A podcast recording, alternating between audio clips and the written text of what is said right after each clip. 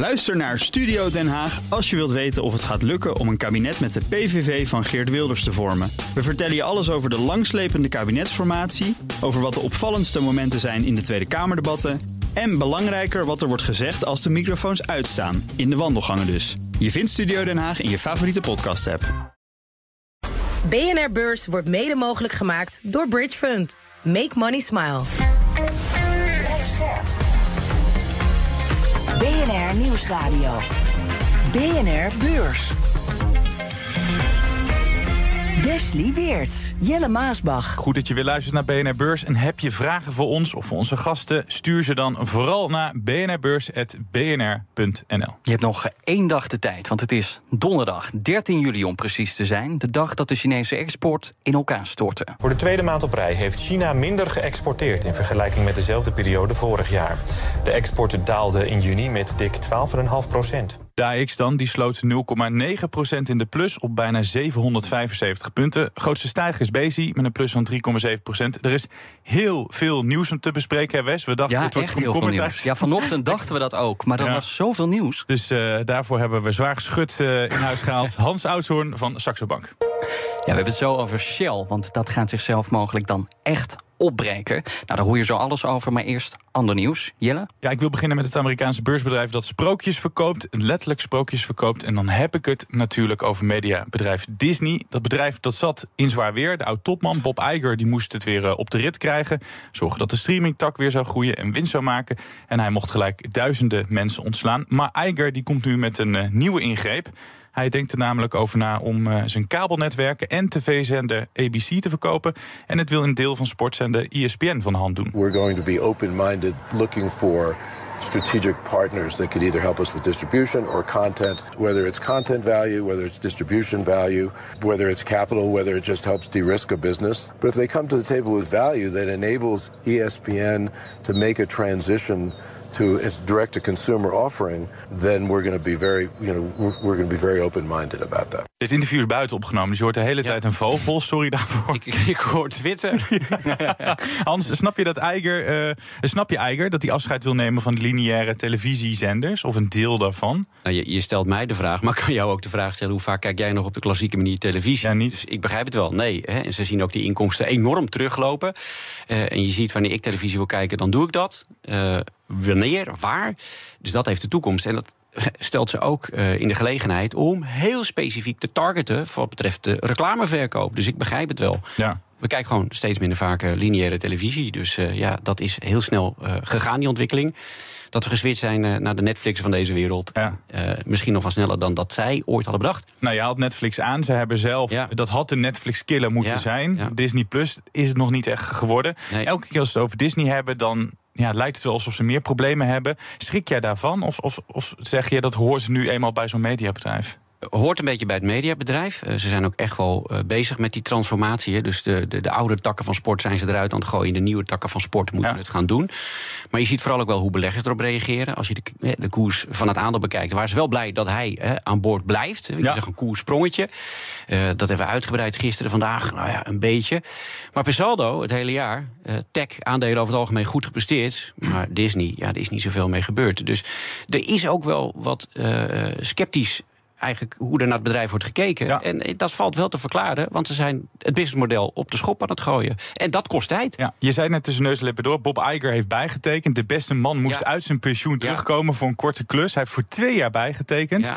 Wat zegt het dat ze niet zonder hem kunnen? Is er dan echt helemaal niemand te vinden die het bedrijf kan leiden? Al- Allereerst dat ze super kritisch zijn. Het liefst zouden ze Bob klonen. En aan de andere kant, ehm, en dat is ook gewoon de Raad van Bestuur... die hebben gezegd van jongens... ehm, we hebben echt meer tijd nodig voor deze transitie. En deze man kennen we, vertrouwen we. Hij moet het doen. En ja, ze hebben hem ook wel heel veel geld geboden. Salaris en dan ook nog een keer factor 5 geloof ik aan bonus wat hij kan verdienen. Dus ja, daarvoor zou ik ook wel uit pensioen komen. Hè, als, als geld zeg maar een drijfveer is. Ehm, Nou, maar hij, hij, houdt nodig. ook, hij houdt ook wel echt van het Hij bedrijf, houdt echt van het bedrijf. Maar als de most friendly CEO, hè? En Ja. dat is hij ook omdat hij van zijn bedrijf houdt en zijn klanten. Nog, eh, nog eh, tot slot even kort. Ehm, vind je het geen eh, slecht teken voor beleggers dat ze geen andere CEO kunnen vinden? Moet je het aandeel Disney dan wel hebben? Nou, ik heb het eigenlijk net al een beetje aangegeven. Hè. Eh, De koers heeft niet zoveel gedaan. Maar ik kijk vooral ook naar de waardering. Je betaalt 40 keer de winst voor het bedrijf. Eh, Dat is fors. Mhm. Dus alleen al vanuit die waarderingsmaatstaf. zou ik het niet in portefeuille willen hebben. Nee. Hadden jullie het net al over Disney Plus. Ik wil nog even naar een andere streamingdienst. Want de beurskoers van Viaplay stort voor de tweede keer in korte tijd in elkaar. nadat het opnieuw met een waarschuwing komt. Er zijn een hoop problemen bij het bedrijf. In ons land vooral bekend als de zender van de Formule 1 races. En vooral die dure sportrechten die spelen het bedrijf parten. Want de hoge kosten die kunnen ze amper terugverdienen. Een paar weken geleden kwam Viaplay daar allemaal met een winstalarm. Het bedrijf verlaagde toen al zijn winstverwachting. Ook stapte de CEO toen op. En nu waarschuwt Viaplay weer voor tegenvallende resultaten. Eigenlijk herhalen ze dat nog een keer. Alleen nu laten ze ook de winstverwachting voor dit jaar helemaal los. En daar schrikken beleggers van, want Viaplay verliest in één keer een kwart van zijn beurswaarde. En volgende week, bij de publicatie van de cijfers, maakt Viaplay bekend ja, hoe het die financiële puinhoop wil opruimen. Maar gaat Viaplay het wel overleven, Hans? Uh, de vraag stellen is al bijna het antwoord geven. Ik vrees met grote vrezen. Want ze hebben goed verdiend aan de Formule 1. Dat kunnen ze echt niet meer terugkopen. Gaat niet meer lukken. Dat was hun stokpaardje. Dat is weg. En de Nederlandse tak, geloof ik, van Viaplay ook. He, ze, ze, waren nog mensen aan het aannemen in Nederland. Uh, weet ik uit zeer betrouwbare bron. Ja. Maar de dag dat ze wilden starten, was het eigenlijk... joh, je hoeft niet meer te komen. Uh, want we gaan hier niet mee verder. Dus... Ik, ik, vrees met grote vrezen. Ik zou mijn geld in ieder geval niet in, in, in stoppen. Misschien als belegger voor een heel kort ritje. Ja, en dan gaan we weer. Scholar. Een dag geen Elon Musk alarm is een dag niet uh, geleefd, zeggen we hier bij BNR Beurs. Hij haalt weer het nieuws. Want nou, Musk... zeg jij vooral. Zeg ik vooral. want hij heeft weer een nieuw bedrijf. Eentje met kunstmatige intelligentie. Zijn nieuwe bedrijf, XAI heet het, moet volgens hem gaan helpen bij het begrijpen van het universum. Maar dat vind ik wel een beetje gek, want eerder waarschuwde hij nog voor uh, de gevaren van AI. Zeker. Hij was uh, zelf bij de oprichting van OpenAI betrokken, verliet het, waarschuwde daarna inderdaad voor die gevaren. En ja. nu begint hij dus zelfs een bedrijf. En wat ik dan het meest gekke vind, hij gaat ook weer leiding geven aan het bedrijf. Weer een bedrijf erbij, weer een taak.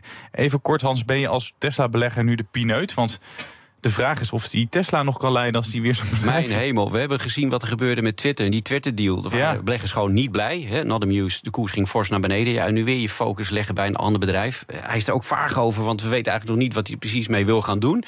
Uh, dus eerst helderheid op dat vlak. Hij heeft alleen gezegd, ja, ik wil het in, eigenlijk nauw uh, inzetten... ook voor en Twitter en Tesla. Mm -hmm. Maar hoe, ik heb werkelijk geen idee. En het enige, het is voor mij altijd wel een beetje een rode vlag als belegger. Als je weer al die ballen in de lucht gaat houden, en dan gaat er eentje vallen. En Tesla is by far de grootste. Dus ik ben wel, zeg maar. Hij staat bij mij onder verscherpt toezicht, om het zo te zeggen. Dat stond hij al, maar nu weer uh, extra. Maar kijk wel uit naar ja, wat uiteindelijk dan het bedrijf gaat doen. Ja. Ja, ik ben nieuwsgierig. Nou ja, je had het een paar dagen geleden over zogeheten toerflatie. Mm -hmm. Verschillende economen gaven toen aan dat de inflatie stijgt... nadat grote wereldsterren in een land hebben opgetreden. Want door die dure ticketprijzen zou de inflatie stijgen. Maar ik ben erachter gekomen dat niet alleen economen dat zeggen.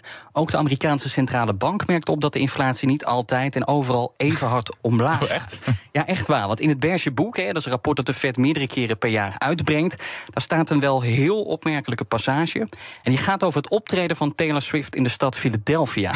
Tienduizenden fans kwamen daarop af. En die zochten natuurlijk ook allemaal naar een bed om te slapen. En dus beleefde de hotelsector daar de beste maand sinds de coronapandemie. Grote kans dus dat die toestroom van al die fans ook de prijzen van hotels en restaurants flink hebben opgedreven. Dus de inflatie heeft aangewakkerd. Dus ja, ik begin dat verhaal van die economen toch wel steeds meer te geloven, Jelle. Het eerste grote bedrijf, PepsiCo, is met de kwartaalcijfers gekomen. Maar goed, één PepsiCo maakt nog geen zomer. Je hoort zo van Hans wat hij van de kwartaalcijfers van andere bedrijven verwacht. Shell overweegt om zijn duurzame tak van de hand te doen. Dat meldt persbureau Bloomberg op basis van ingewijden. Shell zou al bij verschillende internationale investeerders hebben gepolst of ze interesse hebben. De opties zijn een gedeeltelijke verkoop of het apart zetten van die duurzame divisie. En Shell maakte eerder al bekend dat het meer gaat focussen op olie en gas, want ja, daar valt meer mee te verdienen. Ja, een volledige verkoop, is dat ook nog een mogelijkheid, Hans? Want dat kon ik niet helemaal uit dat uh, artikel van Bloomberg halen. Nee, maar ze hebben wel aangegeven dat ze hè, met adviseurs in gesprek zijn en dat wel bekijken. Dus een volledige verkoop zou je op een paar manieren kunnen doen. Je verkoopt het aan zeg maar, de hoogste bieder. Mm. Maar het zou ook kunnen dat je overweegt een beursgang. Nou ja, goed, dan heb je weer een heel traject om te kijken wat zou de prijs van dat bedrijf moeten zijn. Ja, want er zou een oude en een nieuw, uh, oud en een nieuw Shell hebben. Ja, nou, dat ook. Maar dan moet je natuurlijk ook hè, die losse entiteit op waarde schatten. schatten. Nou, ja. dat is een uitdaging. Uh, dus ik ben eerder geneigd te zeggen... zult verkopen aan de hoogste bieder. Nou, en dan kun je het ook nog gedeeltelijk doen. Hè, dan een soort van joint venture. En dan is het eigenlijk... goh, wil je een deel van deze onderneming hebben? Oké, okay, nou, wat is je prijs? Nu ben je voor een gedeelte eigenaar ook geworden. We mm -hmm. hebben gewoon geld ontvangen. Belangrijke boodschap voor beleggers in ieder geval. Ze willen deze tak verkopen... en eigenlijk vol gas geven op hun oude oliemodel. Op gas en Ja. op olie. Wat zou je Ja. ervan vinden als Shell zijn duurzame tak helemaal of deels in de etalage zet? Nou, ik, ik moet je eerlijk zeggen, ik, ik had het ook even met collega's erover. Het is echt wel schrikken dat je denkt, hè? Eh, maar aan de andere kant eh, moeten we ook weer niet helemaal verrast zijn. En we hebben het al eens gehad over eh, het vertrek van grote bedrijven uit Nederland. Nou, bij Shell heeft dat eh, eigenlijk tot meerdere dingen geleid. Hè. Je hebt ook gezien dat pensioenfondsen posities in het bedrijf hebben verkocht, de aandelen hebben verkocht. En daarmee zeggenschap hebben weggegeven. En de andere partijen die die aandelen hebben gekocht, ja, die zijn misschien minder met dat stukje duurzaamheid bezig geweest. Dus eh, we zagen het ook aan de ene kant een beetje aankomen. Je zeggenschap, duurzame toekomst heb je een beetje eh, weggegooid. Ja. En aan de andere kant, en het is Shell echt een doorn in het oog dat je Amerikaanse sectorgenoten hebt, die zijn veel meer waard op de beurs. En zo, to close the gap, dat is wat ze willen doen. Ze willen eigenlijk gewoon het bedrijf maximaliseren ehm, qua waarde voor de aandeelhouder Maar, uiteindelijk. maar gaat dit helpen? Want eh ze richten zich dan inderdaad meer op fossiel, want daar valt Ja. meer winst te halen. Maar eh, ja, is dat ook goed nieuws voor de aandeelhouders? En gaat dat dat gat met die Amerikaanse concurrenten verkleinen? Eh, uiteindelijk wel. Hè, en, en op, op, kijk, je moet even teruggaan. Je kan ook zeggen, het zou duurzaam kunnen worden. Hè. Uiteindelijk op termijn wordt dat het ook. En is dat goed voor het klassieke oliebedrijf? Het antwoord is nee, want dat zal dan gaan verdwijnen. Kies je voor eh, eh, het nieuwe Shell, beleg je daarin... dan kun je een paar dingen zien. Als het echt lean en mean is geworden... dan zul je zien dat die waardering ook echt gaat inlopen. Maar dan komen ze ook op de raden van Amerikaanse beleggers... En die zullen dan op enig moment misschien ook zeggen: hey, nu hebben wij een oliebedrijf zoals wij het willen, zonder eigenlijk de ESG-bullshit. Ja. Ehm, en misschien brengen ze wel een bod uit en zeggen: we halen het van de beurs. En dan heb je een mooi ritje gehad als eh, aandelenbelegger, maar ben je op termijn ook uit Shell. Wie zou zoiets willen kopen? Want de hele tijd horen we het levert niet genoeg op. Er moet heel veel geld bij. Nou, als je dat moet kopen, dan moet je het misschien wel tegen bodemprijs gaan verkopen. En er dan ook heel veel instoppen. Wie, wie zouden die mogelijke kopers zijn? De, de, de echte duurzame eh, partijen die dat verder willen ontwikkelen. Eni heeft dat ooit ook gedaan met Plenitude. Eh, maar als ik nou kijk naar de omzetcijfers daarvan, ja, dat is niet altijd denderend. En dan kom ik Nee. toch een beetje uit bij laadpaalbedrijven waar ze in zitten. Eh, dat wordt echt van een grote uitdaging. En ik denk dat ze ook wel met een schuin oog eh, misschien wel naar de overheid zullen gaan kijken. Ja, dat, dat die een mogen- belangrijke rol moeten gaan krijgen. eh, want die vinden het hè, terecht ook heel erg belangrijk. Hebben het op de agenda staan. De zilvervloot komt niet binnenvaren als Shell deze onder- onderdelen gaat nee, dat, verkopen, nee, nee, nee, nee, Nee, maar het is dan ook nog zo, als Shell onderdelen gaat ver- verkopen, Ja. die duurzame onderdelen, dan zijn dat waarschijnlijk ook nog de onderdelen die het minst goed lopen, waar ze het minst aan verdienen. Nou, laat ik het zo zeggen. Ze kunnen eraan verdienen. Alleen zien ze dat het klassieke model gewoon veel beter verdient. En als je vandaag ook kijkt naar het rapport eh, van het olieagentschap. en die zeggen: joh, we zien sterke vraag. Dat ja, zien we nu. En dat verwachten we eigenlijk ook in de toekomst. Nou, kijk alleen al naar de cijfers van Delta Airlines. Fantastisch, we vliegen met z'n allen. Er is gewoon stevige olievraag. Ja, als jij de keuze krijgt als belegger of als bedrijf. we verdienen zeg maar 20% marge bij de een. of 5% marge bij de ander, ja, dan is de keuze snel gemaakt. Dus dat is eigenlijk ook een beetje de keuze die ze nu maken. Ze gaan voor het grote geld. Ja, optie is dus ook nog dat er ja, een soort van twee beursnoteringen komen. Ja. Dus een beursnotering Ja. met eh, het oude Shell, olie en gas. Het nieuwe Shell met duurzame energie, alles wat daaronder valt. Ja. Eh, als jij daarin zou gaan beleggen, wat vind jij dan het interessantste aandeel? Dat is ethisch. Eh, op het moment dat je het hebt eh, als belegger, dan zul je over het algemeen toch kijken naar waar valt het hoogste rendement te halen. En echt, als je duurzaamheid belangrijk vindt, ja, dan zul je ook aandelen van eh, de andere club kopen. Eh, maar beleggers stemmen, we hebben het vaker gezegd, meestal met hun voeten. Dus ik ben bang dat ze dan toch voor de olietak kiezen. BNR Beurs. Wall Street dan, daar eh, groene borden. De Dow Jones staat 0,2% hoger. De S&P 500 staat op een plus van 0,6%.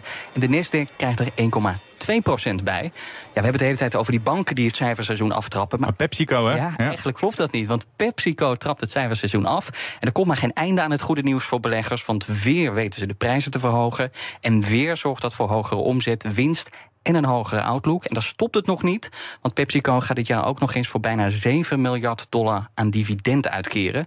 Het aandeel staat op dit moment hoger, op een plus van 1,6 procent. Maar hoeveel prijsverhogingen slikken klanten nog, Hans? Want ja, een keer is het toch genoeg, zou je zeggen. Ja, nou ja, zelf zien ze dat anders, want ze hebben gewoon die outlook verhoogd. En ze hebben gezegd, joh, wij doen het goed en we gaan dat ook de rest van het jaar beter doen. En dat komt mede door onze pricing power. En vergeet niet, als jij gaat tanken in Amerika, dan pak je vaak toch wel een frisdrankje erbij. En waar ze het heel goed hebben gedaan, we hebben het er wel eens over gehad. Pepsi Cola is niet alleen zeg maar eh, de, de priklimonade, maar ze zijn ook heel sterk in aardappelchips, met name. En dat heeft het ongelooflijk goed gedaan. En die zijn lekker. Eh, die zijn lekker en ze verwachten dat ze daar ook gewoon veel van blijven verkopen. Dus so far, so good. En dat hebben ze ook gewoon heel duidelijk gezegd. Eh, we verhogen de outlook. Het is echt een aandeel waar we het niet heel vaak over hebben. Maar wij zaten Nee. voor deze uitzending eens te kijken. Heeft het echt ongekend goed gedaan. Ja, heeft het goed gedaan. Maar vergeet niet, het, het koers nu een, een klein beetje hoger. Maar als je het even afzet tegen begin van het jaar... dan staat het maar 4 dollar in de plus. Eh, kijk je naar de koers-winstverhouding, dan betaal je 38 keer de winst. Dus het is ook wel weer vrij prijzig wat mij Ja. betreft. En het dividendrendement, ze gaan wel wat teruggeven aan beleggers. Ja, dat zit op 2,5 procent. Eh, kan dat ook op een andere manier? Kun je bijna zeggen, joh, koop Unilever. Dan heb je Ja. 17 keer de winst. 3,6 procent dividendrendement is meer. Ja. Ja, ehm, Ze schommelen ook een beetje rond het hoogste punt op dit Ze Ja, moment. schommelen precies, daar Ja, sloeg ik ook ja, op aan. ja. Dus misschien Ja. dat ik daarom zo enthousiast was. Ja. Hoeveel rek zit er nog in? Nou ja, wat mij betreft hebben we het denk ik wel een beetje gezien. En dat is ook de reactie van beleggers geweest, hè? BNR Beurs. Je hoort het, tijd voor onze zomerserie. Deze week over het cijferseizoen. En we zeiden het net al, dat is nu echt losgebarsten. Het worden drukke weken, maar wij zorgen ervoor dat je goed voorbereid de, de cijferstorm ingaat. We kunnen we op basis van de cijfers van PepsiCo al een eh, voorspelling maken voor de voedingssector, eh, Hans? Nou, dat denk ik wel. Die doen het waarschijnlijk wel goed. Dat hebben we ook al gezien aan Ahold de vorige rondes. Nou, ik noemde net ook al eventjes een Unilever. Eh, technisch gezien, dat aandeel hikt al een tijdje tegen de 50. Nou, daar gaan we ook wel een keertje doorheen. Ik denk dat je daar je geld wel op kunt inzetten. Eh toeinflatie heb ik gehoord. Nou, graaiflatie, we mogen niet zeggen. Maar ze hebben wel heel goed zeg maar, de Mhm. prijzen Ja. op niveau weten te houden. Eh, daar kijk ik naar. Maar aan de andere kant, we hebben ook waarschuwingen gehad. eh, van best wel grote chemiebedrijven. BASF en Ja. DSM Firmenich, die deden dat zelf. Er zijn ook analisten geweest. Die hebben gezegd, IMCD, nou, we eh, Ja. vertrouwen het eventjes wat minder. Dus wees waakzaam. Er Ja. zijn wel sectoren die je misschien moet mijden. Nog heel even over die voedingssector. Want je zei het al bij PepsiCo, eh, Ja, de rek is er wel een beetje uit. Ja. Eh, betekent dat ook dat jij die sector niet meer interessant vindt voor nu? Nou, dat, dat zeg ik niet, eh, maar wees wel selectief. Hè, Mhm. En kijk vooral ook naar die koers-winstverhoudingen. En sowieso, als je aan de slag gaat in deze tijd... kijk of bedrijven financieel gezond zijn. Hè. Dan heb ik het over solvabiliteit. Ja. Hebben ze niet te veel schulden op de balans? Rente is hoog, dat kost te veel geld. Kijk, kijk ook of ze in staat zijn om eh, prijsverhogingen aan de achterkant op een goede manier door te berekenen aan de klant. Ja, en eh, de PepsiCo is wel zo'n onderneming, maar je ziet wel dat je daar fors voor betaalt. En Ja. als je dan even kritisch gaat kijken, kijk dan wat mij betreft naar Unilever, maar bijvoorbeeld ook naar Pernod Ricard. Dat kennen we ook al eh, van misschien wat sterke drank. Ja, dat heeft een koers in verhouding van 20. Ja, is wel de helft qua waardering Ja. ten opzichte van dat soort partijen. Ja. Dus je moet wel selectief zijn, maar daar, daar valt absoluut nog in te beleggen. En, en je kan dat ook met een ETF doen, hè, brede spreiding in één Ja. transactie. En dan zit je in die hele sector. Dan heb je ook de wat duurdere aandelen, maar heb je ook eventueel de aandelen met een wat lagere koers in verhouding. Nu we, Dus toch, kan nog zeker. nu we toch bezig zijn, wat vind je nog meer interessant? Dan heb ik het over andere bedrijven of andere sectoren die jij eh, interessant vindt. Nou, eh, AI, ik mag het niet meer zeggen, maar niet in mijn Ja, achterhoofd. van mij wel, hoor. Voor jou wel. Maar niet, niet in je achterhoofd, maar in ieder geval in je voorhoofd. Eh, want ja, we hebben natuurlijk ongelofelijke koersbewegingen gezien. Nvidia gisteren, vandaag ook weer, alsof er niks aan de hand is. Eh, en je ziet wel dat ze miljarden aan beurswaarde erbij krijgen. Ze hebben natuurlijk ook goede cijfers gepresenteerd. De Aha. afgelopen keren gezegd, we gaan veel verkopen, blijven we doen. Maar ze moeten wel met de billen bloot de volgende ronde. En dan ben ik benieuwd of ze dat ook allemaal waar gaan maken. Dus chipsector volg ik met bovengemiddelde interesse. Ja, en die chipsector die doet het juist de afgelopen dagen Ja, weer heel erg goed. ja, Wat is ja. daar de directe aanleiding voor? Eh, eh, koersdoelverhogingen. En dat heeft toch ook weer te maken met AI. Hè, en eh, toch ook de impact. Je hebt natuurlijk een beetje een chipoorlog tussen Amerika en, en China. En dan is er ook gewoon gekeken door analisten welke bedrijven gaan daar nou echt last van hebben. Ja, en, en ASML wordt dan in eerste instantie genoemd. Maar die geven zelf aan, joh, dat gaat bij ons bijna geen impact hebben. En je ziet met name ook dat de Nederlandse chippers, hè, Bezi, maar ook een ASMI van 300 naar 600 een koersdoelverhoging. ASML van 650, 660 naar 950. Ja, het kan niet op. eh, maar het tekent ook dat ik wel wil zien dat die chipbedrijven het, het waar eh, moeten maken. En vandaag bijvoorbeeld even een klein kattenbelletje. eh, VAT, ook een, een semiconductorbedrijf. Ja, die zeggen toch, het gaat net even wat minder. Dus wees op je hoede, ook als die analisten zeggen koersdoelverhogingen. Maak het eerst maar even waar. Ja, want die analisten zeggen het ergste is nu achter de rug als het Ja. gaat om de overschotten. Ja, En die cyclus is nu voorbij. En nu gaan we een nieuwe cyclus in. Het wordt allemaal weer beter. Ja, zeker. Nou, dat zie je dus ook in die koersdoelverhogingen. Maar volg het dus wel als belegger. eh. Alsjeblieft, wat worden die cijfers? En Nou. eh, lopen we niet een beetje op de muziek vooruit? Nou, hebben we het over voeding gehad. We hebben het over chips gehad. Banken. Ik noem het heel even kort. Morgen komen de eerste Amerikaanse banken met cijfers. Kijk je daarnaar uit? Ik kijk ernaar uit, zeker, want wat ik wil zien is... ehm, de rentemarge is opgelopen. Eh, kijk, ik, De rente is gestegen. Op het moment dat je een hypotheek afsluit nu, betaal je er veel meer voor. Spaarrente, daar zijn ze een beetje rustig mee om dat te verhogen. Ja, ook Dus- in Amerika, want ik heb daar Nou ja, toch ook wel hogere Tuurlijk, spaarrentes daar heb je hogere rentes gezien. Ook absoluut, dat is waar. Eh, maar eventjes in de breedte, ook als je naar Europa kijkt... en dan zie je dat je relatief minder krijgt. Dus je kijkt bovengemiddeld uit ook naar de financiële sector.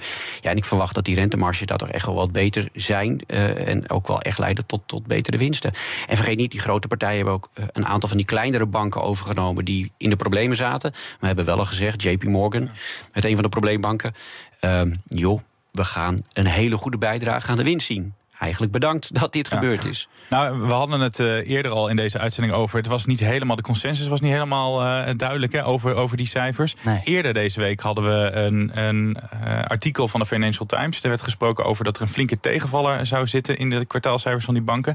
5 miljard afschrijvingen, omdat mensen problemen zouden hebben met hun creditcardbetalingen. De stroppenpot met 7,5 Ja. miljard. Ja. Dat zijn toch niet echt positieve geluiden. Nee, eens. Geen positieve geluiden, maar ik denk dat, maar dat kunnen de- ze hebben. Ik, ik- dat kunnen ze sowieso hebben. En ik denk dat ze in de rentemarge gaan eh, verrassen. Maar hoe lang nog, die, die rentemarges? Want je ziet die spaarrentes ook stijgen. Op een gegeven moment zie je denk ik die marges ook weer krimpen. Wanneer zijn we op dat moment eh Nou, kijk, Amerika heeft aangegeven, de centrale bank, we gaan de rente nog wat verhogen. Eh, Ja. en, en dan zullen die banken dat overnemen. Dus ze hebben nog even een, een, een tijdje, zeg maar, de, de rentewin mee. En zolang als dat duurt. ja, eh, totdat de vet stopt. Totdat de vet stopt. En dat is eigenlijk het moment dat je goed moet opletten. En als je dan toch iets wil met eh, financials, kijk dan vooral ook naar Europa. Omdat de rente daar gewoon nog verder moet worden opgetrokken. En die rentemarge waarschijnlijk nog groter zal gaan worden. Dus eh, voorkeur, kijk absoluut ook gewoon naar Europese eh, banken.